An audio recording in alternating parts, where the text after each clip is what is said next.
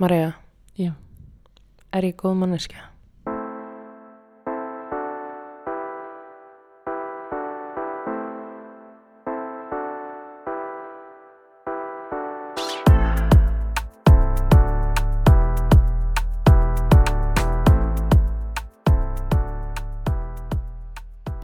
Jæja, Ingileif. Hvað segiru? Ertu að pæla í því hvort þú sért góð manneskja eða ekki? Já, stóru spurningarna maður. Já, þetta eru svona, þetta er eina af þessum spurningum. Já, og ég held að uh, margir hugsa þetta oft, þú veist, hvernig get ég orðið betri, hvernig veit ég að ég er góð manneskja, hvernig einhvern veginn bæti ég mig enn frekar í því sem ég er að gera Mm -hmm. og þess að þar. Og þetta er svolítið það sem okkur langar að ræða í dag. Í raunveruleikanum. Já, velkomin í raunverulegan Já. Og takk aftur fyrir góðu viðtökunar. Við erum uh, komnar upp í 10.000 spilanir. Mm -hmm. Þannig að við erum alveg ótrúlega ánaðar og þakkláttar fyrir það. Og takk þeir sem hafa verið að taka þátt í áskorununum, mjög skemmtilegt. Talandi um þær, hvernig fannst þér áskorunir vikunar ganga? Fyrir þá sem ekki kannski vita og er að horfa, hlusta í fyrsta skipti núna, þá erum við með svona þann háttin á að við reynum svona að skora hver, hver aðra að gera eitthvað, takast á við eitthvað í hverju viku. Og síðasti þáttur fjallaði um ástina og þar vorum við að fjalla um svona alls konar áskoranir, uh, tengdar ástinni og því að vera í sambandi og við svona opnum okkur kannski aðeins um hluti sem að okkur finnst stundum vanta upp á og hjá mér voru það voru það heimilistrif og hjá þér voru það svona þú veist að ég sé duglega að segja við þig hvernig mér líður þannig að Mhm. mitt verkefni var að skrifa bref til þín Mjög fallegt bref, takk fyrir það. já, mér tókst að græta þig það var, það var hérna markmiðið Emmett og, Og- ég var að klára að taka til í geimslunni. já, þið tókst að græta mig Eh, Þú greist ekkert við reyndar en Nei, en þú veist, inn í mér. Mér finnst það mjög fallegt að þú skildir fara á sunnundagskvöldi að taka til í geimslunni. já, takk fyrir það. En mjög skemmtilegt og það voru margir sem voru að taka hérna love language prófið Já. á netinu. Var gaman margir að að pæli því. Já, þannig að gaman að þessu. En við ætlum að segja úr því yfir í þennan þátt Já. uh, og uh, því hvað það er að vera góðmanneskja og, og, og hvort að uh, já, hvort að maður sé eitthvað tíman nógu góður. Já, hérna, þú veist, við erum auðvitað bara með svari við þessu, er það ekki? Eina rétt að svari. Jú, þetta eru mjög stuttu þáttur Já, og þið fáðu bara svari hér og nú. minnsta máli. Nei, en sko, Ingilef, ég er nefnilega búin að vera að pæla svolítið í þessu. Uh, þessi svona sjálfshjálpar yðnaður, veistu hvað ég er að tala um þegar ég segi það? Uh, já, þessar bækur sem eru að koma út og, og Já, og bara blogg út um allt, þú veist, ef þú googlar bara how to eða eitthvað svo leiðis, fyrsta sem kemur er bara become a better person. já, Er þetta ekki góður heimur? Become better person. Já, þú veist, það er greinilega mjög algeng spurning uh, hjá fólki að spyrja sig hvernig get ég orðið betri manneskja? Og, og ég held að þetta sé mjög algengt svona áramóta heit til dæmis, bara eitthvað svona hvað ætlað þú að gera á þessu ári? Æ, ég ætla að verða betri manneskja, ég held mér þess að ég hafi sagt þetta um, síðustu áramót þegar að svonur okkur var að spyrja svona, hvert er þetta áramóti heit og eina sem ég dætt í hugastafnum var eitthvað svona að verða betri manneskja en hvað þýðir þetta? Emmett, hvað var fólkið hjá, þér? Hvað ætlaðir að gera til að vera betri manneskja? Ég nefnilega held að ég hafi bara svolítið verið að búlsita mig fram hjá þessari spurningu að því að ég er einu veru hérna, svona þegar maður fyrir að hugsa um það veist, hvernig veit maður að maður sé góð manneskja hverjir eru mælikvarðarnir Mm. hver ákvað mælikvarðana um, eru þeir bundnir við ákveðna menningu, samfélög uh, eitthvað sem við þekkjum eða þekkjum ekki þú veist, hvernig hvernig, já, hvernig komumst við á þann stað að það er búið að búa til einhverju hugmyndum hvað, þú veist, bestu mannesku í heimi og hver er hún og hvað gerir hún og hvernig verður maður þannig Emmett, og, og er gott að vera þannig já, já, það er allavega ágætt held ég að vera, vera fín manneskja. já, en þú veist, vera hérna þessi bestun skilur veist, hvernig er það ef maður er orðin bara fullkomin Hva, E- e, einmitt. þú veist, er maður það ennþá með metnað fyrir lífinu, þú veist, er maður það ennþá að reyna að stefna að einhverju? Situr maður þá bara í róliheitum og borðar pop eða eitthvað og, og slappa brafa því að þú ert besta manneski í heimi? Skilur mig, þú veist, er ekki hlut af því að vera til og hlut af því að vera manneskja eiginlega þessi grátbróslegi hérna, eða þessi grátbróslega staðreind að kannski getum við aldrei náða okkur þangað. Mm. þess vegna erum við alltaf að erum við ofta að setja okkur markmið komast eitthvert. Og þess vegna kannski stöndum við upp á mótnana og vöknum og gerum okkur morgunbúst af því að það var markmið vikunar að vera dugleira að borða holt eða ég veit ekki hvað, ég veit ekki alveg hvert ég er að fara með þetta en Já, mér finnst þetta, þetta alveg hérna mjög góðir punktar og pælingar sko, að því að ég held að mitt að þetta sé stöðu vinna og ef að maður gæti orðið eitthvað svona fullkomin manneskja að þá væri maður samt í stöður vinnu við að viðhalda því sko, þannig að ég held að það sé ekkit eitthvað svona hægt að verða besta manneskja heimi. En það er samt að mitt allir þessi listar sem að maður getur fundið maður getur hefur tekið svona lista. Nei sko, máli er að þetta eru hefurleitt listar sem að segja manni bara hvað maður getur gert til að vera mann, betri manneskja. mm. Uh, ég fletti gegn nokkara svona fyrir hennan þátt uh, þar sem að oft voru 12 atriði sem þú getur gert til að vera betri manneskja eða einfalt 15, mál. 15 atriði sem þú getur gert til að vera betri manneskja og hvað er svona algengast það sem er algengast í þessu er að reyna að gefa meira af sér þú veist, Mhm. reyna að, að donata eða uh, reyna að leggja einhverjum hjálpa samtökum lið, eitthvað Mhm. slíkt mm -hmm. uh, reyna að vera sjálfbóðaliði eitthvað starf og gera eitthvað óeigingjarna hluti Já, svo er hérna mikið talað um það að sleppa tökum á reyði mm. og fyrirgefa og hérna setja fortíðina svona svolítið fyrir aftan sig. Mm -hmm. Það er talað um að byrja ábyrð og segja fyrir gefðu Mm. og e, það er talað um að vera kurteis á mörgum svona listum og hvaða er sem að, semst að finna hvaða er sem að veitir manni sjálfum hamingju af því að þá getur maður orðið betri í því að vera ánæður í sínu lífi og gefa þá meira af sér af góðri orku og þess að þar. Veist, auðvitað er þetta allt fínar hugmyndir af því að vera betri mannskja en ég held um þetta að fyrsta skrefið sé bara svolítið hjá manni sjálfum. Maður Mm. verður auðvitað bara að skoða sjálfan sig og hvað kannski það er sem að maður myndi vilja vera að standa sér betur í, hvaða fletir það eru sem að svona, maður myndi vilja vinna betur að og fínt auðvitað að lesa svona lista. Þetta getur alveg verið, þetta getur hjálpa manni að komast af stað. Mér hefur oft fundist bara fínt þegar ég er einhvern veginn að reyna að setja mér eitthvað markmið að horfa eitthvað lista á netinu og vera bara já, nú fæ ég hérna sparkir að sinni já, rækjatuna í raskatu til þess að koma mér að stað. Þannig að þeir eru alveg góði til síns brúks sko. mm -hmm. En svo er bara spurningin uh, hvort að maður sé líka að gera það sko af, uh, af því að manni langar að gera það, manni langar að vera betri manneskja, manni, manni langar að gefa meira af sér eða hvort að maður sé að gera það til þess að öðrum finnist maður vera betri manneskja. mm -hmm. einmitt, hérna var ekki einhvern tímann einhver svona frasi á ennsku eitthvað svona there is no such thing as a selfless good deed eða eitthvað svo leiðis Já, uh, og ég man þegar ég var í sálfræðinni þá hérna las ég fullt fullt af rannsóknum um, um þetta veist, hvaða hvaðir er að baki uh, góðverkinu. Þú veist, er það til þess að uppfylla eigin hugmyndir um að maður sé góð manneskja eða hugmyndir mitt andra um að maður sé góð manneskja er maður að gera þetta því að samfélagslegur þrýstingur er í þá áttuna hverju sinni og góð dæmum það eru svona hérna alls konar sapnanir sem fara af stað og, og fólk finnur svona hei það er allir að taka þátt, ég ætla líka að taka þátt. Mm. uh, og hvenar er bara góðverk alveg rátt góðverk? Þú veist, getur góðverk verið góðverk ef maður segir ekki frá því? Einmitt. skilur mig, þetta er svolítið djúft En er maður einmitt bara að gera það vegna þess að maður getur fengið like út af það á samfélagsmiðlum eða vegna þess að þá hugsar annað fólk Vá, þú veist, þetta var vel gert, nú ætla ég að gera eitthvað gott mm -hmm. eða er maður að gera það 100% af því að mann langar bara að hjálpa til og maður þarf ekkert kredit fyrir það Mhm.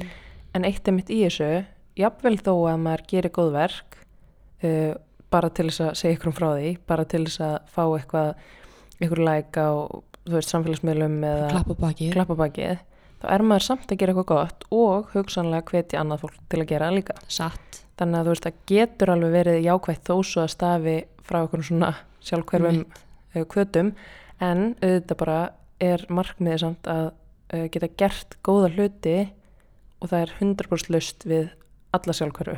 Mm -hmm. þú veist að, að einhvern veginn að það að þú gefa af sér ekki til neins kannski tilbaka Nei, emitt. Og það er svolítið hérna útgangspunkturinn í bók sem okkur langaði svolítið að fara í að ræða. emitt, Það er bókin Give and Take eftir Adam Grant. Emitt. og hérna ég las þessa bóku einhvern tímann í einhverjum áfanga í háskólanum.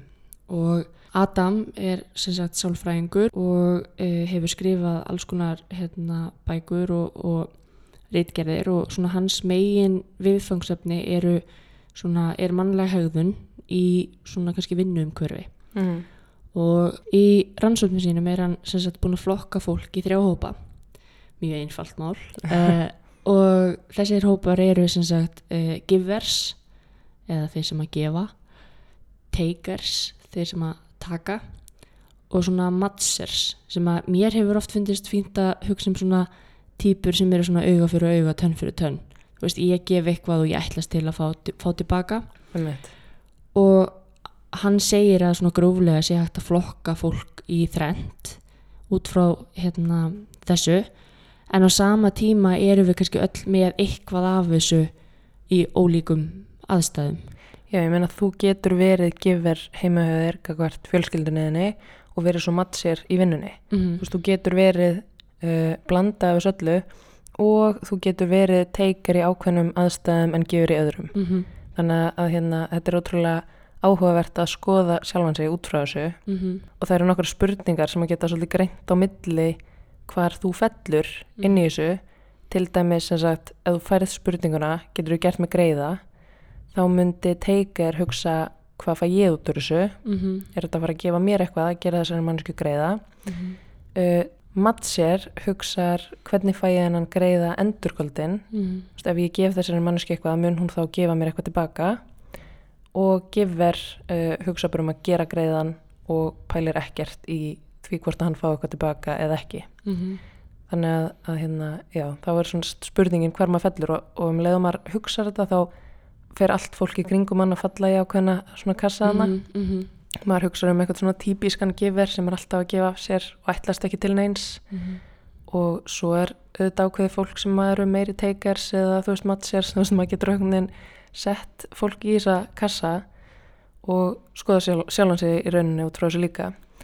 Og það sem að mér er svolítið merkilegt uh, við þessar svona flokkanir hans og þetta er náttúrulega sko prófessor, uh, hann læriði Harvard og University of Michigan ef ég mann rétt og er bara ótrúlega skoðaði 30.000 manneskjur þannig að þetta er ekki bara eitthvað hmm, ég ætla bara að flokka fólk í þrend og, og, hérna, og, og komast að þessari niðurstöðu. Veist, þetta er alveg mjög vel rannsakað hjá honum. Algjörlega og þetta er, þetta er ótrúlega flottur prófessor og hérna bara eh, doktor í sínum fræðum ef ég fer ekki með rátt mál. Mm -hmm. og hann er semst búin að skoða hverjir það eru sem að ná mestum árangri og Mhm. í lífinu eða á vinnustaf semst á vinnustöðum Já. hann skoðar semst að bæði verkfræðinga hann skoðar uh, fólk sem er í semst hjúgrunnámi eða læknanámi, eitthvað svona uh, helbriðis helbreiðisnámi Já. uh, og svo skoðar hann líka sölumenn sem er að vinna í sölustörfum og hérna hann semst er búin að fara yfir öll þessu gögn og mér er svo áhugavert að hann semst skoðar þá sem að bara standi sér verst. Mm -hmm. fólki sem er með lægstu enganinnar fólki sem að selur minnst uh, verkfræðingarnir sem að bara áorka minnstu bara þeir sem að gera minnst. Og það eru givers og það er svolítið áhugavert uh, vegna þess að maður er eitthvað já það er best að vera giver og þannig er einhvern veginn sína fyrstu tölur fram á það að givers séu bara neðstir í öllu. Svo verður þess að skoða uh, svona hverjir eru uh, næstir fyrir ofan hvort að mattsers séu að standa sér betur eða takers. Og það kemur í ljós að takers eru í rauninni þeir sem geta náð geggjum árangri en geta svo bara mist niður þann árangur á mjög stuttum tíma. Þannig að Mhm. þeir fara hratt upp og rosa hratt niður. Og þeir gera svona mjög vondar típur til að fá inn í uh, hópa vinnu og fá inn í veist, störf sem að krefjast þess að vinna þetta eru svona flótkúkar já, svolítið, Já, um þetta stráng heiðalegri íslensku einmitt, þetta eru típunar sem sko, eh, ef þú ert búin að vera í hópverkefni og skilur að þér og ert svo að tala um verkefni þá er þetta típan sem að segir sko, þetta var mitt verkefni og ég gerði þetta svona Mhm. í staðan fyrir þetta er okkar verkefni og við gerum þetta svona mm -hmm, þannig að uh, Kunnumstu típuna Já, emmitt. Og svo varandi þessa mattsers, þú veist, þeim gengur bara ágætlega en þeir eru ekki efstir. mm. Og hver eru það eftir? Jú, givers. Eru nefnilega líka efstir. En voru það ekki mitt mattsirarnir sem er svolítið svona, eru svona eins og svona réttlætislögga? Þeir hérna, þetta er svona einstaklingar sem er mitt spotta þá sem eru svona takers Mm -hmm. og fara svona að, að slúðura svolítið um þá að sjáu þennan, hann er svona taker eru þessi nú að taka og, og hérna gefa ekkert á móti og og þess vegna kannski líka fara þeir svona hratt upp og aftur niður Já, af því að fólk hættir að treysta þeim sko. Emmitt. Mattsirarnir vilja sko ná sér niður að þeim. Þóla á hreinlega ekki. samkvæmt þessum kenningum Samkvæmt þessum kenningum, 100%. Og það, mér finnst það svo merkilegt að því ég var fyrst búin að fá þessu hugmyndum bara giverarnir, þeir bara sökka, þeir ná yngum árangri. mm Svo kemur bara ljós að þeir ná líka geggjum árangri. -hmm. En það þarf bara að skilja á milli þarna hvort þú sért að gefa allt af þér eða hvort þú þekki mörkin Mhm. og sem sagt búið til í rauninni svona ákveðna línu og ef þú heldur innan þeirra línu gefur af þér eins og er hæfilegt Mhm. magn af hlutum til að gefa af sér eða hvort þú farir yfir mörkin og verðir svona ákveðin bara dyramáta sko. Já, einmitt, hann kallir þetta dyramóttur í bókinni, eða ekki? Jú, ef mér skellast ekki Já. og uh, þarna einmitt, tók hann að því honum fannst það áhugavert að það væru líka sem sagt, gifers væru líka neðstir Mm í þessum uh, stigana hjá honum og hann tók viðtal við einhvern sölumann sem var bara, hann stóð sér hræðilega í vinnunni, hann bara seldi ekki neitt og var bara fittaði prófæl sem sagt giver bara alveg 100% og hann tók þetta viðtal við hann og var bara hvernig stendur á því að þú ert svona umulur í vinninni og þá sagði þessi einstaklingur bara já, mér þykir bara svo ótrúlega vænt um uh, kúnan okkar að ég myndi aldrei selja þeim svo ömulegu vöru sem við erum með Einmitt. þannig að hérna, einmitt, þá, þá ertu farin að kannski svona, já, hafa fullmikla tilfinningar inn í þessu öllu saman. Ekki mjög æskilegu starfsmæður kannski. Ætti kannski ekki vinna við sölumönsku. Nei, en er góð manneska, Já, fyrst og fremst. einmitt Eila bara ofgóð mm að einhverju leiti. En einmitt, já, ég einmitt hef uh, frá því ég lasa þessa bók pælt mjög mikið í þessu og þegar maður fyrir að skoða það líka alveg til hérna tett fyrirlestrar og eitthvað bara Adam Grant mælu með og allt í hennu fer maður svona að greina allt fólk í kringum sig bara eitthvað, ú, byttu þessi, byttu því á þessi típa, hún er svona. Og, og þetta er ágætist tól að hafa af því að þetta þýðir ekkit endilega að sko teikir séu sko að reyna að vera vondarmanneskjur. Uh, þetta er bara svona þeirra innrétting einhvern veginn. -hmm. og það er svolítið bara fínt að vita það af því þá getur maður svolítið hérna testa þetta einhvern veginn og, og, og svona svolítið unni út frá því. Og ég man alveg þegar ég lasa þessu bók fyrst þá var ég bara, vá, byrju, hvernig veit ég Mhm. hvort að ég sé teikir eða gefur eða matser ég er ekkert svo viss um að margir væri bara, já, ég er svona teikir já, ég er bara stoltur teikir ég ætla bara að vera, vera það í friði. Ég held að, einmitt, sama svona sama, hérna, stopp og fólk sem segist gera góðverk af því það, það langi bara svo mikið til að gera góðverk eh, þetta er kannski svona, svolítið svipað bara eitthvað svona, þú, þú segist halda þá ábyggla á sért bara matser eða gefur mm teikirar halda ábyggla bara innst inni að þeir séu bara gefurs eða skilur þú veist, þetta er svona það já, ég veit það ekki ég, en svo er einmitt sko tala um að, að myndi þér viðkynna það? Nei, kannski ekki, en það er oft tala um það sko, ef að þú spottar teikir á vinnustöðunum, að því að sko það, það er svolítið þannig að uh, einn teikir getur eitrað mjög mikið út frá sér Mhm. þannig að þú ert til dæmis með uh, starfshóp þar sem eru tímanns og það kemur teikir inn í hennan hóp að þá getur hann búið til þannig stemmingu að það fer öllum að líða hálf illa Mm -hmm. Já, þannig að þú veist, þeir geta smita frá sér en uh, það er hægt að bara nefna þetta þá við einstakling bara ok, þú, þú ert búin að hérna, gera þetta og þetta uh, og gefa viðkomandi í rauninni tækifæri til þess að bæta sig. Þú ert búin að taka og taka og taka og taka og nú er komið nóg. Þetta er svona matserinn sko. Bara hættu. En ef þessum einstaklingi gefið bara almennlegt tækifæri til að breyta sinni hegðun þá kannski bara áttar hann sig. Kannski, kannski var eitthvað ástæði fyrir því að hann var að haga sig svona mm og hann vil breyta sinni hegðun. Ef ekki, þá bara dump him. -hmm. á góðri íslensku. Einmitt. Við erum búin að segja give og take og mats svona hundra sinnum núna í, í nokkra mínútur. Ég vona að hlustendur séu en þá að fylgja okkur í þessu. En, en þetta er mjög áhugavert og, og svona eitthvað svona sem er gott veganesti að mínum að þetta hafa. Hvað myndið þú segja að þú værir í þessu? Ah, Ég var að vona þú myndir ekki spyrja þessu. Ég veit ekki hvert svona ærlega svarið er. Ég, hérna, mér finnst til dæmis, mér finnst ekki erfitt að gefa á mér. Veist, ég er ekki, hérna, ó, nú hljóma ég alveg, veist, um, ef að fólk beðum um eitthvað, þá finnst mér ekki erfitt að deila, hérna, svona kreditinu með fólki. E, starfið mitt felst í því í raun og veru að allt sem ég geri e, er ekki eitthvað beint sem að ég set út síðan fyrir mig, verandi aðstofamaður stjórnmálamanns Mm. um, en ég er samt með rosalega mikla réttlætiskend og er fljóta spotta þú veist, eitthvað svona óréttlæti Mm. mér finnst miklu skemmtilega að vinna með fólki en ein þú veist, ég er ekki ég er rosalega mikill liðismadur um, ef ég er í einhverju liði þú veist, hvort sem er á vinnustöðu annar staðar þá held ég með því alla lið, stundum eiginlega bara of mikið. Og þú veist alveg, þú hefur búið með mér í sjö ár.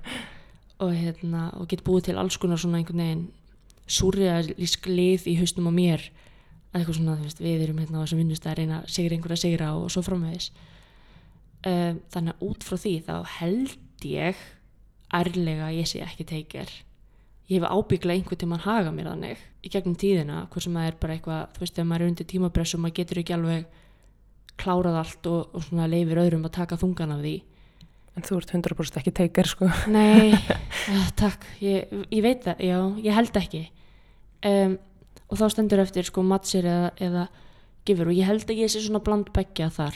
Þú veist, Mhm. ég held að á tímabili í mínu lífi var ég svona held ég bara dýramóta sko. Mm. Þú veist, ég, var, ég leifiði fólki alveg að ráðskast mikið með góðmennsku mína. Mm. Um, átti vinkonur sem að uh, vissu að ég myndi gera bara allt fyrir þær og það er notferðu sér það uh, hvort sem er bara svona einfalt eins og skuttla hvernig sem er þú veist, hingað og þangað eða passa eða, eða svona svoleiðis hlutir og ég var mjög markalaus alveg lengi gagvar því, þannig að, að svona ef ég á alveg að vera ærleg þá held ég að ég sé svona fyrfirandi dyramóta dyramóta, ég, ég er dyramóta í svona hérna, meðferð. Já, veistu hvað ég er að tala um? já, þú ert svona, ég er recovering dyramóta þannig ég, ætla, ég, ég er að stefna á það að verða annarkvort þannig gefur að mattsir að ég nái raunverulegum árangri. Mitt. Ekki það að þú hefur ekki náð árangri í lífið þínu. nei, ég veit, Alls ekki, þú hefur náð mjög góðum árangri. ágætis árangri, en En, samt einmitt þetta markaleysi, oft kannski Já. einmitt ef þú hefur verið í mannst stöðu. alveg eftir þessu, eða ekki?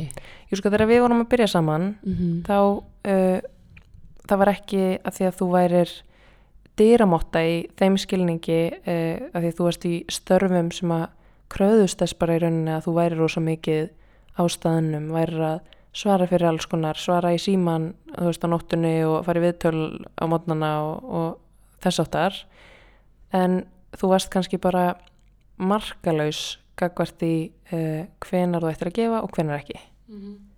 Kannski svolítið bara svona dyramóta þegar þú koma ákveðnu fólki. Mm. ekkert öllum endilega en svona ákveðnu fólki uh, og svona svolítið markalaus eða bara svolítið að fikra mig áfram þegar það koma að vinnu. Um, þannig að já, það er langa svarið við þessari erfiðu spurningu.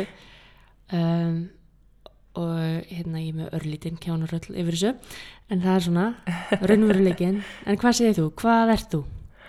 Sko, ég er búin að pæla svolítið í því uh, að því að ég er búin að skoða þessa bók og lesa um þetta og, og svona.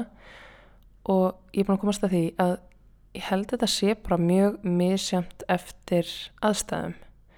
Þú veist, ég veit líka ekki stundum sko hvar uh, meðvirkni eh, spilar þáttana að því að Mhm. ég er mjög meðvirk manneskja og ég geri stundum hluti að því að ég er mjög meðvirk uh, og það er rauninni Er það góð mennska?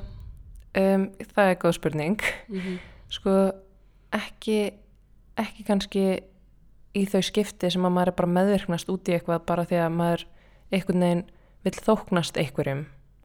Þú veist, þá er það kannski þú veist, ég veit það ekki. Góðmennska auðvitað að einhverju leiti en líka bara maður sjálfur að ekki kunna að, setja mörkin sko. þannig að ég held að í mörgum aðstæðum gagvart fólki um, geti ég verið giver uh, og það er kannski mitt eins og ég segja aftur ég held að meðurkni spilið er alveg líka stóra rullu ég hef verið kölluð aumingja góð uh, Mhm. vegna þess að ég oft stíg inn í aðstæður sem að ég ætti ekki að þurfa að stíg inn í uh, til þess að að láta fólki líða betur. Og stundum ger ég það of mikið þannig ég finn bara að ég er farin að gefa allt og mikla orku frá mér og er ekki að passa upp á sjálfa mig mm bara til þess að þóknast öðru fólki. Og maður er einhvern veginn í þeim aðstæðum telur sér trú um það það sé mikilvægara að maður geri eitthvað fyrir annað fólk heldur en að maður passa upp á sjálfa sig. Þannig ég veit alveg að í mörgum aðstæðum er ég gefur en svo hérna er ég samt líka í öðrum aðstæðum matsér, þú veist ég veit alveg að, að ég hef oft upplegað þetta bara ok, ég var að gera þetta. -hmm. þú veist, hvað ætlar, hvað ætlar þessi manneski að gera móti? Og það er kannski ef maður er í ykkur svona það er kannski meira er í ykkur svona um, umhverfið sem að maður finnur að það er Það er svona orka. já, skrítin orka, það er eitthvað svona keppnisskap og ég fíla mig ekkit sérstaklega mikið í svoleiðis Þú ert ekkert mikil keppnismannaski engilega, það? sko, nei, ég, ég, mér erst gaman að stefna ykkur og, Já. og fara hratt En ánga ekki gagvart öðru fólki. nei, þú veist, ég er bara einhvern veginn mér langar bara allir séu góðir á því sko. Mm og ég fíla samskipti það sem allt er upp á borðanum -hmm. Ég fíla, já, ég fíla rosa lítið samskiptið þar sem að það er einhvern veginn, hlutir eru ósagðir, það er Mhm. verið að reyna að fara á bakvið. Dulin skilaboð. Uh, Já, ég, mér finnst það mjög erfitt. Já. Og ég veit að í þannig aðstæðum verði ég matt sér. Mm Og ég er svona, þú veist, einmitt aftur réttlætiskendin eins og þú varst að tala um áðan. -hmm. Þú veist, ég finna þá verði ég bara, ok, þú veist, þú varst að gera þetta, þá langar mér bara að, þú veist, borga það tilbaka. Bara fyrst þú ætlar að leika þennan leik, Já. þá er ég mætt. En það er ekki aðstæður sem ég fíla mig í, sko. Nei. þú veist, ég, ég vil ekki hérna, þú veist, ég vil vera giver, skilur, en ég veit alveg að stundum er ég mattsér. En svo er mér teikar, sko. Ég hef líka hugsað þetta, veist, er ég teikar á einhverjum tímapunktum og þú veist, eflaust, er ég það? Mm Ég held að flestir hafa einhver tíman verið það. Já, Sumir eru bara meira en aðrir. já, en svo held ég líka að þetta svona, hvað segja, þetta flækist stundum saman, að því að stundum er maður að gefa svo ógeðslega mikið ekkert og ég finna það, veist, stundum ef ég er að vera of mikill giver, gagvart einhverjum aðstæðum eða einhverjum mannesku eða, eða einhverju í lífi mínu, að þá get ég virkað eins og teikar gagvart öðrum hlutum í lífi mínu. Mm Það Að er ekki- átt kannski bara ekki orkuna eða... Já, Já. og það er kannski ekki að því ég sé að reyna að taka eitthvað, það er kannski frekar bara ég er að gera ekki neitt gagvart einhverjum. En er það þá meira gagvart bara svona þínum nánustu? Þú veist, eitthvað svona fólk sem að maður tekur svolítið ekki sem sjálfsögum hlut en er kannski næstmanni, það er kannski auðveldar að, sína þá hlið gagvart þeim. Já, sko, ég hef alveg hugsað þetta svolítið, að ég veit að ég er ekki góð í að gera tvo hluti í einu og það þýðir oft að orkan mín fer bara á eitt stað. Mm -hmm. Ef það er eitthvað sem að er mjög náinn mér sem að uh, ég, mér finnst ég þurfa að byrja ábyrð á, að þá fer ég bara alla leið í því Mm og einmitt kannski nánasta fjölskylda og svona, þú veist, maður fer svolítið alla leið í því að hjálpa viðkomandi og bera ábyrð á og þá bara kemst oft bara ekki annað fyrir Mhm. og líka bara gagvart, þú veist, okkar fjölskyldu. Ég, þú veist, fer alla leið í að reyna að, þú veist, gefa okkar heimili og okkar börnum þú veist, allt mitt. Og þá stundum hefur það gerst og ég er svo fyrsta til að viðkjanna það að vini mínir fara þá í annarsæti mér finnst það ótrúlega leðilegt og ég hef oft alveg svona markvist reynt að bæta úr því að því að vinátt er auðvitað bara ekkit annað en, en vinna bara rétt eins og samband. Mm Eh, þannig að þetta er eitthvað sem ég er alveg svona stöðugt að, að reyna að, að minna mig á. Eh, en þannig mitt kemur að þessum þrýherning sem ég held við höfum nú rætt í fyrsta þættinum. Já, ég held að. þar sem að við erum með á einum endanum uh, vinina eða sósjallífið einum endanum erum við með heimilið og fjölskylduna og á þriðja endanum erum við með vinna Mm og oft finnst mér svo erfitt að jögla þessu. Þú veist ef ég er að leggja allt mitt í heimilið, fjölskylduna nánustu fjölskylduna bara almennt uh, og það sem ég er að gera í vinnunni að þá einhvern veginn bara fer ég að vera dysfunctional sko í þessu vinasambandi. Uh, en ég held að bara svo lengi sem að maður er með þetta um það og reynir að bæta sig í því þá allan er maður á, á réttri braut. Mm. en ég held að maður sé samt alltaf að leitast við því að verða betri manneskja.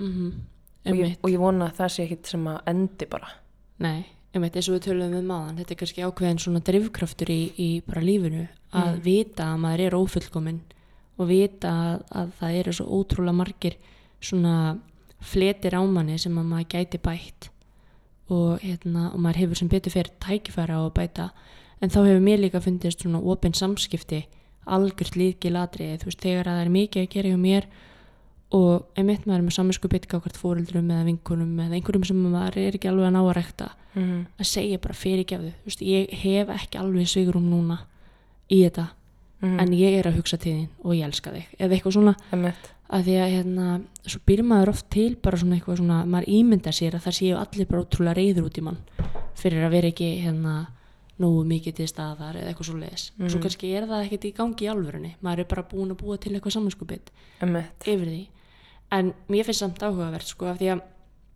mm, svona staðalýmynd leiðtóans svona þessi, þessi hérna einstaklingu sem er búin ná því líkum árangri þú veist, hún er svona meira harðkjarnatýpa, ekki satt? Það er svona meira svona týpan sem að þú veist bara komst á toppin Mm. um, ég sé fyrir mér svona einhverja svona rúðflest típu sem að náða einhvern veginn bara alla leið en það er síðan bara ekkert alveg kannski rétt með við þetta að þú veist að manneskið sem læ- nær sko langtíma árangri mm. Mhm. þessi mannski getur alveg náð mjög skjótum hérna árangri og skotist hátt upp en ef þú ætlar að ná einhverjum langtíma árangri að þá er það hérna givers sem að komast þangað Algjörlega. og, og þeir sem eru líklegasti, líklegasti til þess að vera svona árangusríkir leiðtúar eru þeir sem að eru givers veist, það er talað oft um í stjórnunarkenningum líka um þjónandi fóristu að þú veist, leiðtógin er sá sem að fær fólk með sér en ítir fólki ekki undan sér það er svona einn samlíking sem að hérna, maður hefur svona séð þú veist, eitthvað svona followers mm. Mhm. þetta er ekki spurning um að vera með followers heldur þú veist, hérna að þú sért fyrir aftan Einmitt. og hérna er tilbúin að þú veist, taka höggin og hérna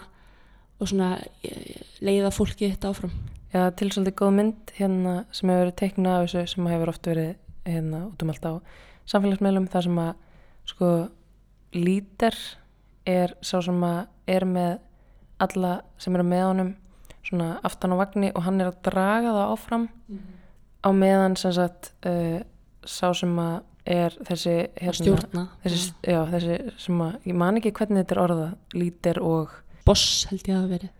eitthvað svo leis að það er einstaklingur sem að læti bera sig á kongastól já, þetta er svona tekning sem að maður hefur séð á netinu. Og hérna og ég held að margir þekki þessa yfirmenn þú veist, ég hef alveg átt frábæra yfirmenn og ég hef líka átt ekkert svo góða yfirmenn.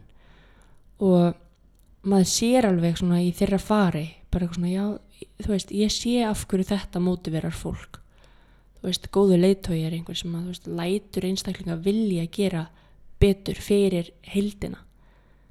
Af því að þú ert, þú ert búin að fjárfesta í því að starfa á þessum stað. Mm, en, hérna, en manneski sem er endalist bara óanæð og stjórnar með, með, hérna, tilf, með svona vondum tilfinningum veist, það móti verður allavega ekki mig. Ég fer í svona mótþróakast. Það er kannski mattserinn í mér.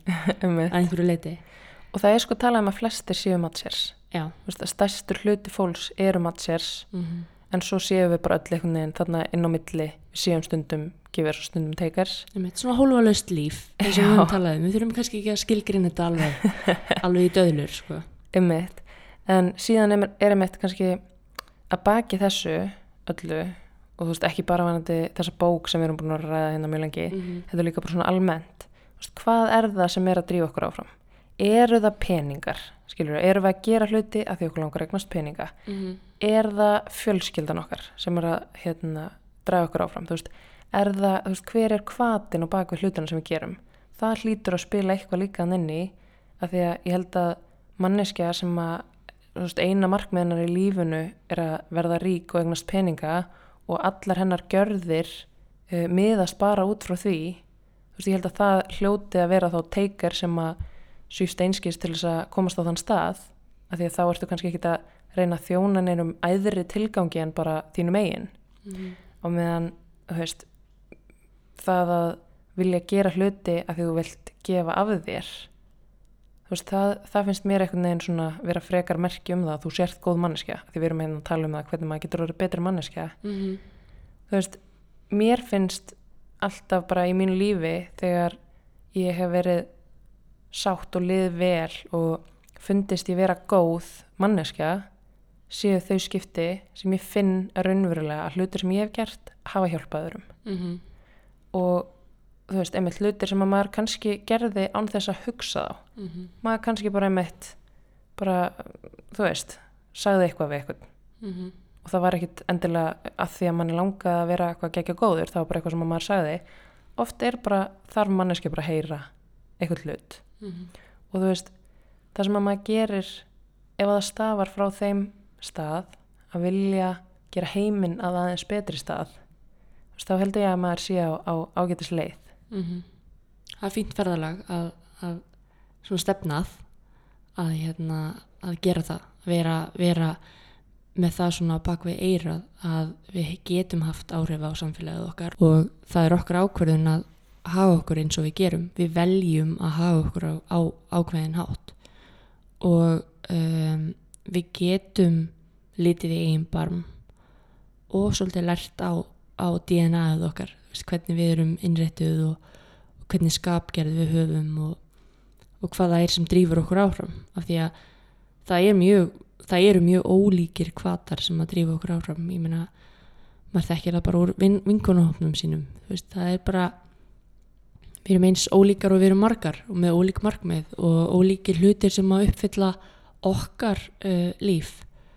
Og það er líka bara allt í lægi um, svo lengi sem kannski bara að hver og einn er meðvitaðar um svona eigin hérna, verleika og möguleika og síðan galla.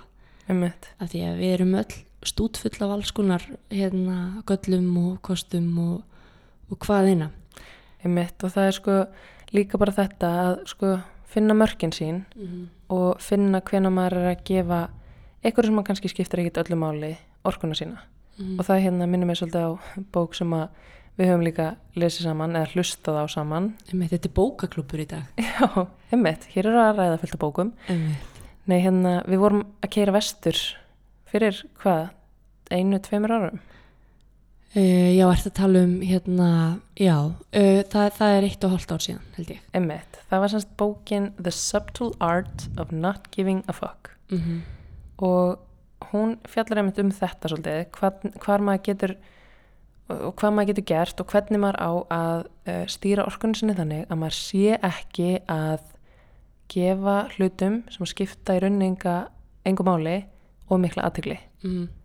Ég man sko, þetta var svolítið svona, þetta var, bókin var akkurat lengdin frá Reykjavík til um. Flaterar, ef mér minnur rétt. Já, við vorum að kera til flætirar. Og einmitt, ding, ding, ding, Flateri. Ding, ding. um, og hérna og, og ég man að þetta var svolítið svona eins og bara sjö klukkutíma vaskusa í andlitið á okkur tveim af Jep. því að hérna ég held að við séum báðar mjög segar um það að give too much fuck Mm um alls konar hluti uh, hvort sem það er álit annara eða hérna ofugsa hluti veit ekki alveg nákvæmlega þú veist hvað það er sem okkur langar að gera endanlega og eitthvað svona.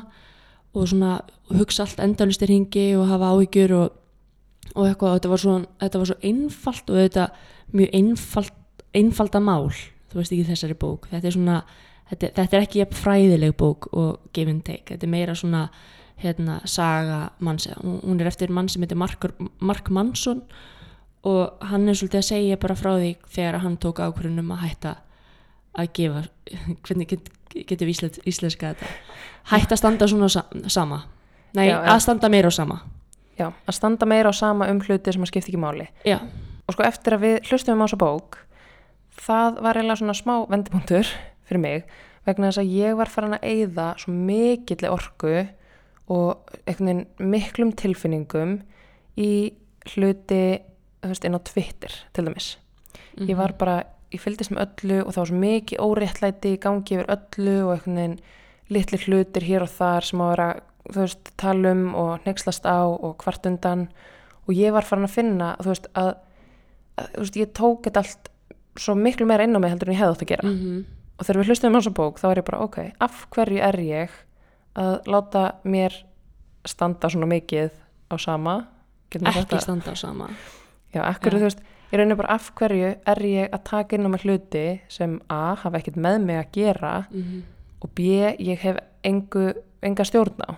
um eitt, eitt svona gott dæmi um þetta hjá mér er að sko ég hef raunverulega farið til sálfræðingsins míns með það að markmið að reyna að, að svona tækla það að ég skammast mín svo oft fyrir hönd annara Um mitt. og það er unnur svona æfing bara af hverju er mér ekki sama um það þó einhver önnur manneski að gera sig að fýbli jafnvel þó hún sitji við sama borði ég eða er dónaleg við þjón eða tekur rosalega mikið pláss í einhverju rými. Þú veist, ég hef oft bara svona sokkið niður í sæti mitt af skömm fyrir hönd annara eitthvað sem að snerti mig ekki neitt ég er Mm. ekki að gera og þetta er auðvitað bara pjúra meðvirkni og uh, einmitt, ég að vera aðeins of hérna uh, já, bara meðvirk með öðru fólki Og þannig ertu sko, einmitt að vera sko meðvirk með eins og ef við værum á veitingastað og þetta er svona, þetta eru ekta ek, extrovertar sem að Mhm. einmitt láta þið fá þessa tilfinningu og þá ert þú sko að vera meðvirk með, ef við erum út að borða með mega extrovert, þá ert þú að vera meðvirk með þjónunum mm og öllum sem að sitja í kring. já, eða bara svona lítill hlutur eins og kvarta yfir vondum mat. Ég hef aldrei eiginlega geta það. Mér finnst það bara ótrúlega svona, ég, ég fer alltaf að hugsa oh, hvað, ég vil ekki vera þessi manneski sem einhvern veginn kvarta yfir, yfir matnum sínum. Og verður meðvirk með, með kokkinum sem eldaði matinn og skila sem að ekki hlutum sem eru gallaðir og alls konar. Ég, ég hef tekið svo margt á mig gegnum tíðina af því ég hef ekki viljað vera með vesen mm að það er eiginlega bara mjög vandræðilegt og eitthvað sem ég hef gaggert verið að vinna í með því að setja, setja mörg vera meðvituð um þetta hætta skammast mín fyrir hönda annara sem að gengur ágætlega þú veist þetta er alltaf að koma en, en vá þú veist það er svo fyndi hvað hérna, hvað maður getur látið annað fólk bara eitthvað hafa áhrif á sig. Að líka þú veist þegar maður átt að sjá því það eru bara nokkri hlutir í lífinu sem virkilega skipta máli. Og svo er allt hitt mm, og kunna að gre- greina þarna á milli, þú veist, ég er ekki komin ég, það er bara svona svo vekk fyrir rétt að byrja. En um, það er einhvern veginn bara svona svo ótrúlega frelsandi bara lítill hlutur sem að ég þurfti að kljást mjög mikið við sem var bara að læra að segja nei. Mm, nei, ég kemst ekki eða nei uh, ég hérna bara, ég því miður kann þetta ekki. Þú veist, ég fekk oft bara símtöl frá fólki sem af einhverjum teknilegum vandamálum eða eitthvað sem ég kunni ekki raskat í. Og var bara eitthvað að fara inn að reyna að leysa og svo fór ég að eða ókslega miklum tíma í að googla mig áfram til þess að finna einhverja, einhverja lausnist, þannig fyrir að segja bara, herru, nei ég er ekki góð í þessu, talaði við einhvern annan. Mm. og hérna, og ég tengi svo mikið við þetta. Einmitt að ætla að bjarga öllum vandamálum allra þó maður viti ekki einu sinni hvernig maður á að bjarga þeim bara því að maður veginn þú veist, vill hjálpa til og vill ekki að manneskjan þurfa að lenda í einhverjum frekari vandræðum. Já, já, ég minna, þú veist, og ég hef alveg farið bara rosa langt í því að bara finn, reyna að finna bara hérna lustnir fyrir fólk jafnvel lengur en fólki sjálft. Mm um, og, og það er ekki gott sko, þú veist, þegar, þegar dagur og minn er einhvern veginn fyrir að snúast um eitthvað vandamál hjá einhverjum og manneska sjálf þarf ekki eins og að hafa áhyggjur af, af því af því að hún veit að ég er að pæla í þessu. Mm. Það er ekki veist, það er ekki heilbrygt skilur Nei, það kannski er bara það er eitthvað svona, þannig er eitthvað markaleysi. Já, þannig að við, við erum báðar svona, höfum svolítið verið að- kljást við þetta markaleysi og þurfum að passa okkur að gefa ekki hlutum of mikið vægi í lífinu sem að eiga ekki að þurfa að hafa neitt vægi fyrir okkur. og segja nei. Og segja nei. þóra, þóra valda vonbröðum Mm, og svolítið líka þetta þú veist með að, að þurfi ekki alltaf að fylla veist dagskrána sína og þurfi ekki alltaf að vera veist út um allt. Mm, Þa, það var ákveðið svona frelsi þegar ég fattaði bara já veist að því ég misti aldrei af viðburði. Eitt. og svo uppgötaði ég bara já það má missa af hlutum. Það gerist ekkert hræðilegt ef ég mæti ekki í þetta bóð eða, eða fer ekki þangað eða, eða eitthvað, eitthvað af því að þú veist, í, á pappýrum, þú veist, í öllum svona persónuleika prófum sem ég tek þá er ég extrovert en ég er samt svona pínu feimin extrovert Er það? já, Mér finnst ég vera feimin intro, skástrík, extrovert extrovert í ákveðnum aðstæðum introvert almennt. Mér finnst þú nefnilega sko mjög dugleg í því að bara, þú veist, geta spjallað við hvað sem er, hvað sem er. já þú veist það er ekki það það er meira svona stundum langar mig bara ekkert endilega að fara Þá ertu bara extrovert sem vilt vera heima það kvöldið. eða bara ekstra latur extrovert Eitthvað svoleiðis frekar. já, ok En hérna, en einmitt þetta sko, einmitt mér finnst þetta svo þunn lína eins og ég er búin að vera að tala um alveg svolítið gegnum þennan þátt, þú veist, millið þess að vera meðvirkur og að vera góður og að vilja gera hluti, þú veist, bara af einskjærum, af einskjæri góðmennsku uh, og svo það að gera hluti vegna þess að maður vill ekki valda einhvern vonbröðum. mm Já, hjá okkur báðum, þetta kemur fram í mismunandi formum. Þú til dæmis ert ógslag duglega í því að spyrja erfiðra spurninga. Og þú getur alveg spurt vinkoneinar og fjölskyldumeðlumi og mína fjölskyldumeðlumi Mhm. erfiðra spurninga. elska krifja vandan Já, það er geggjað bara. Og ég fíla þetta svo mikið að því að þú getur opnað á samtölu sem að mér finnst ógslag erfitt að opna. Því að ég Mhm. verð svo meðvirk. að Ég held að ef ykkur er að gangi í gegnum eitthvað eða ykkur lendir í ykkur að ég sé að valda viðkomandi veist, óþægindum með því að spurja út í hlutin. Mm þannig að þá veginn fer ég bara í svona baklás og segi ekki neitt. En þá þá, þetta manneskan kannski bara svolítið að býða eftir því að já, fá spurninguna eða, og ég held kannski að einhverju leiti stafi þetta af því að ég á í mínum bakboka svolítið erfiða reynslu og ég var mjög lengi sem krakki og, og þú veist þegar að ég var að kljást við það hvað mest að býða oft eftir þessum spurningum. Og ég fann hvernig fólk tiplaði oft á tánum í kringum mig og mér fannst það óþægilegt. Þannig að kannski einhvern veginn af því að maður á reynsluna og speilin, maður getur svona sett sér í þessu spór að þá veit ég að, að það er ekki hræðilegt að spyrja hvernig mannesku líður eða orða vandan einhvern veginn þannig að, að manneskjan sem að maður manni þykir vendum og er að díla við eitthvað að hún skilur að þú sérð. Mm já, ég fíla svo mikið þetta hjá þér og er svona að reyna að vera betri í því að því að það að spyrja erfiðra spurninga er líka bara svo mikilvægt eins og þú ert að lýsa og meðvirknin má ekki verða svo mikil að maður farið að leifa því að stýra því hvernig maður tala við vinni sína sem að maður vill bara sína hlýju og ást alltaf. Mm, Mér finnst líka oft svoleiði spurningar leiða út í bara miklu dýbri svona það sem ég vil kalla bara kvíku samtöl. Mm. þegar hlutinu fara alveg honni kvíku og ég er náttúrulega, þú veist, trúa á rótina rót vandans. Og hérna við erum búin að tala um það ofta áður í þessum þáttum. En ég einhvern veginn mér, mér finnst bara svo ótrúlega mikilvægt að skauti ekki fram hjá vandamálum. Og um, ég hef ég var alveg miklu svona ragari við að spurja áður. En einmitt út af þessari reynslu sem að ég lísti hérna áðan og líka bara því að að venjast í að viðbröðin eru aldrei bara eitthvað því lík nexlan, bara guð mig góður, af hverju spurðum með að þessu? Mm. það er, fólk er yfirleitt bara þakklátt fyrir það, ég vil þó þess erfitt að svara Mm. um, og ég er, ég er auðvitað alveg nærgætin þú veist, ég fer ekkert bara inn í aðstæður og spyr þú veist, hver sem er, hvar sem er þú veist, ég, ég grein alveg þar á milli gera það mjög vel bara held ég, já, já. En, en það er bara þetta með, þú veist, manneskjuna og eins og við þreytumst ekki á að segja, veist, það er flókið að lifa í mannheimum Mm. og stóra spurningin um hvernig get ég orðið besta manneski heimi eða betri manneski að, þú veist, aftur held ég að þetta sé um, vandamál og þrýstingur sem skapast frá samfélaginu. Samfélagið er, er mjög gænt á að segja okkur hvernig við eigum að vera og hvað okkur á að finnast og hvernig, hvernig við getum orðið betri, sætari, skemmtilegri, hamingjusamari, uh, hérna, árangursríkari og árangursríkari, já, Mm um, þú skilur, þetta er svona, þú veist, það er alltaf einhver svona vegvísir í átt að einhverju Einmitt.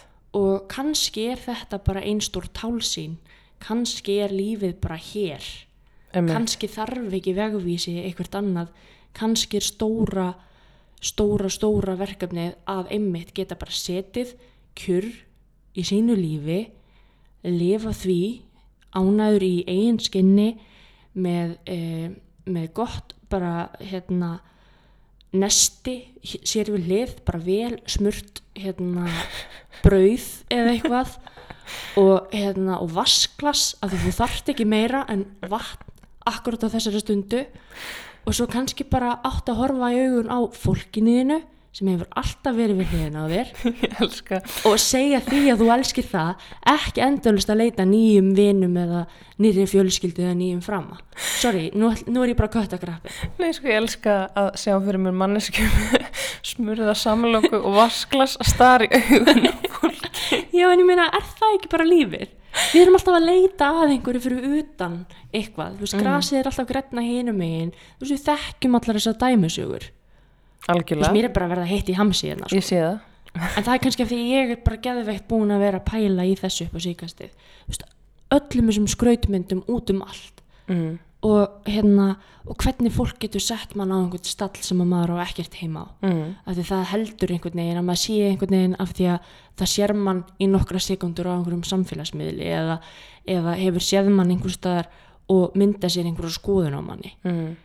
uh, kannski er þetta bara er þetta bara allt fjöldaframleitt drasl til þess að láta okkur bara líða nógu illa þannig að við þurfum á þessu fjöldaframleita drasli að halda Einmitt.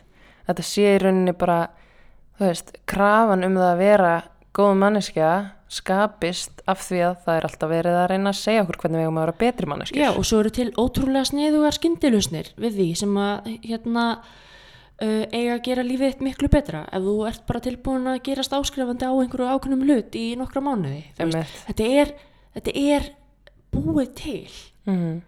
ég meina við höfum alveg séð veist, meina eins og inn í, inn í hérna, einfaldari samfélög þar sem að þeitivindan er ekki allt um veist, þar sem að, að lífi snýst um að borða og sofa Mm og vera með fjölskyldunniðinni og hérna og jú, eiga, eiga kannski þak yfir höfuðið, veist, þetta er bara svona hérna, það sem að, veist, vestrænt samfélag hefur ekki held ekki allt. Mm þar mælist fólk bara mjög hamingjusamt.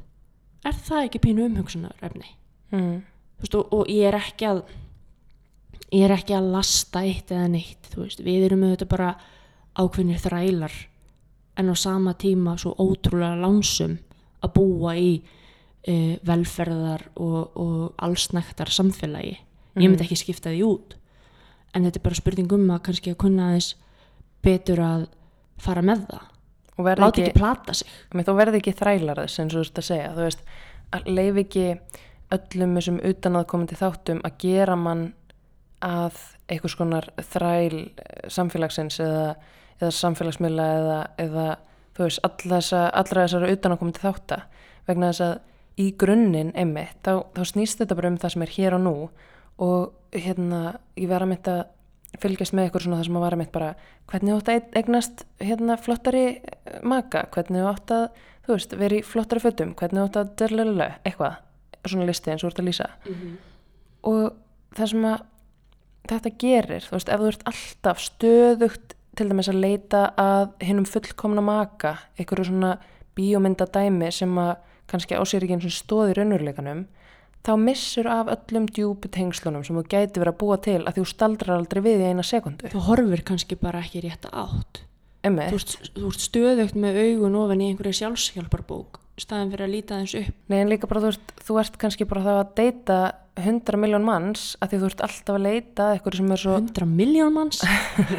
Þú ert alltaf að leita að eitthvað sem er svo ótrúlega fullkomið að þú gefur þér ekki eins og tíma til þess að kynnast bara manneski á eitthvað djúpu leveli og, og þú veist, leifa þér að finna þessar tilfinningar. Og sama tíma líka þú veist, ef þú ert alltaf að reyna að leitast við einhverjum fullkomnum lífstíl sem þú heldur að þú getur fengið eitthvað starf annar staðar það þýðir bara að þú verður stöðugt flakkand á milli staða því að þú ert aldrei komin í þann lífstíl sem að er fullkomin fyrir þig. Og stað, í staðin ert og að missa komin ánga þá komin nýr lífstíl sem að hérna, þú þarft að öðlast til þess að vera fullkomin á þeim tíma. Já, og þú veist, á meðan ert að missa því sem er í gangi bara hér og nú. Þá ert að missa af rótunum sem þú getur verið að, þú setja niður og öllu því sem að getur sprottið út frá þeim. Þú veist, ef þú ert stöðugt að hlaupa á eftir einhverju, þá auðvitað missur af dýbri tengslum, þú missir af dýbri upplifunum, af því að það verður allt mjög yfirborskent ef þú ert alltaf að sækja í eitthvað nýtt Mm, þú leifir þér ekki að staldra við og anda bara inn og út og meðtaka lífið eins og það er núna mm. að þú ert alltaf að horfa fimm ár fram í tíman eitt og hérna og ég komið með smá svona ofurnæmi fyrir fólki, ekki fyrir fólki fyrir spurningunni uh, hvað ætla, ætlað þú að vera eftir fimm ára eða hvað ætlað þú að gera? Ég hef ekki svarið við þessu. Ég er svolítið bara flæðistýpa. Mhm. uh, ég er hérna núna við erum bara í einhverju flæði. Við, við munum taka ákvarðanir sem að munum hafa áhrif á okkar líf en við munum ekki taka ákvarðanar út frá því hvað öðrum finnst að við eigum að gera eða út frá þrýstingi frá öðrum. Það verður að vera gott í hjartað. Eitt það er eini, veist, eini vegvísir minn veist, ég átti hérna, mjög, mjög, mjög kæra vinkonu sem heitir Guðrún Ögmundsdóttir sem ég sakna okkur um einasta degi. Hún lést núna bara á, á gamlós dag í fyrra. Og hún sagði alltaf við mig bara ef ég var í vafa, ef það var eitthvað bara láttu hjarta ráða fyrr ekki láta annað fólk ráðskast með þig eða segja þér hvað þú átt að gera láttu hjarta ráða fyrr og við áttum átt fundi, við vorum að vinna saman í, í tvö ár. Og ég var eitthvað efins, bara eitthvað "Ah, hvað á ég að gera, hvert er næsta skref? Eða fekk eitthvað bóð og hún horfði alltaf bara djúft í augunum og sagði Marja, hvað segir hjartað? Og það er bara, það er ángríns kannski er það bara eina sjálfshjálpar bókin sem þú þart. Kannski er hún bara inn í okkur. Kannski er hún bara eitt af okkar bara kæristu líffærum. Og, og kannski hérna munu sjálfshjálpar bóka höfundar kæra mig fyrir þetta. En þú veist kannski er það bara stóra bókin. Þú veist að hlusta á sjálfum sig að þekkja sjálfum sig að finna hvað maður vill sjálfur ekki hvað aðri vilja. Og hérna ég lofaði allavega Gunnu senst ég talaði við hana að ég myndi passa upp á þetta. Og ég hvet aðra til að gera það líka. Gunnar Ö saði líka ef það er ekki hell yeah þá er það nei. Mm -hmm. já, Gunnar Ö komaðist til okkar bara þarna Já, ég var klára hana þátt. Það sem er að gerast nákvæmlega núna er að hjartað er svolítið að ráða fyrr Já, algjörlega Gunnar Ö var náttúrulega stórkoslega manneski sem hafði ótrúlega mikil áhrif á Íslands samfélag og réttindi, þú veist, hins einn fólks og gera það verkum að við erum hér eins og við erum og hafði, og eigum rökkva. Já. Og hafði bara mjög djúb áhrif á þitt lífa því þið unnu saman og, og svo bara þetta kynntist ég henni líka og hún skilur eftir því djúft skarð. Já, ég held að það sé ágætt að enda þennan þátt bara þarna, við erum öll gunna. Já, án gríns. Algjörlega. Ef að einhver manneskja sem hefur lifað á þessari jörðu kunni á lífið kunni að takast á við mótlæti og koma sterkari út úr því kunni að segja bara total dásamt þegar hlutinni voru umulegir og skála þegar að við á þá var það gunna mínu og hérna, ég held að það sé bara fínt. Við klárum hennar þátt bara með hennar orðum. Hún var gefur, hún var bara sannkallaður gefur og hún let hjartað ráða fyrr mm. og kendi okkur hinum að gera það líka. Og hún þorði að vera algjörlega í eigin skinni. Þannig að skilginni nýjan og góður er mannesku Gunnói ég held að það sé bara svo rétt og við bara þökkum ykkur kærlega fyrir að hlusta. Mm Þetta var aðeins svona meirara í lokin. En, ætlum, en þetta er líka bara raunveruleikin um, stundum er raunveruleikin bara að gráta þegar maður er að taka upp þátt og það er bara alltaf lægi Já, af því að stundum sakna maður bara vinna sinna. Takk fyrir að vera með okkur í dag. Við ætlum að enda þetta á hádramatískum nótum. Um, og bara hvetjum ykkur öll til þess að um, hlusta á hjartað ykkar uh, hlusta á ykkur sjálf. Verði ekki geinkjöft fyrir öllu í umhverfinu. Leif ekki utan að komandi þáttum að stýra ykkar för. Bara leif ykkur sjálfum að vera eins og eruð. Og ef þið geti gefið af ykkur í leðinni ef að það að vera þið sjálf hjálpar öðru fólki þá er það bara stórkuslegt þá er þið að gefers eins og gunna Og núna er grát pásan búinn og við orðnar hressar aftur og Mm. getum kannski klárað þáttinn almennilega.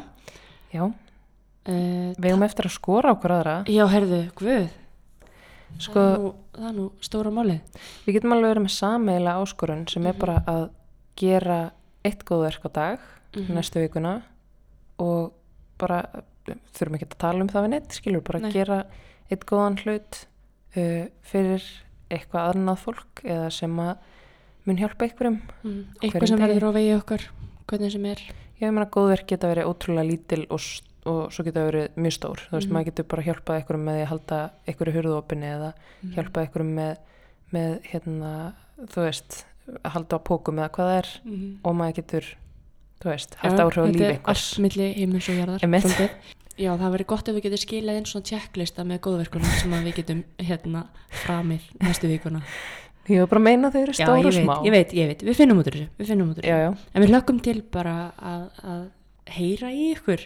Nei, ég veit ekki, að, að þið hlustið á okkur í, næstu viku og við hérna erum bara spenntar að, halda áfram með raunveruleikan.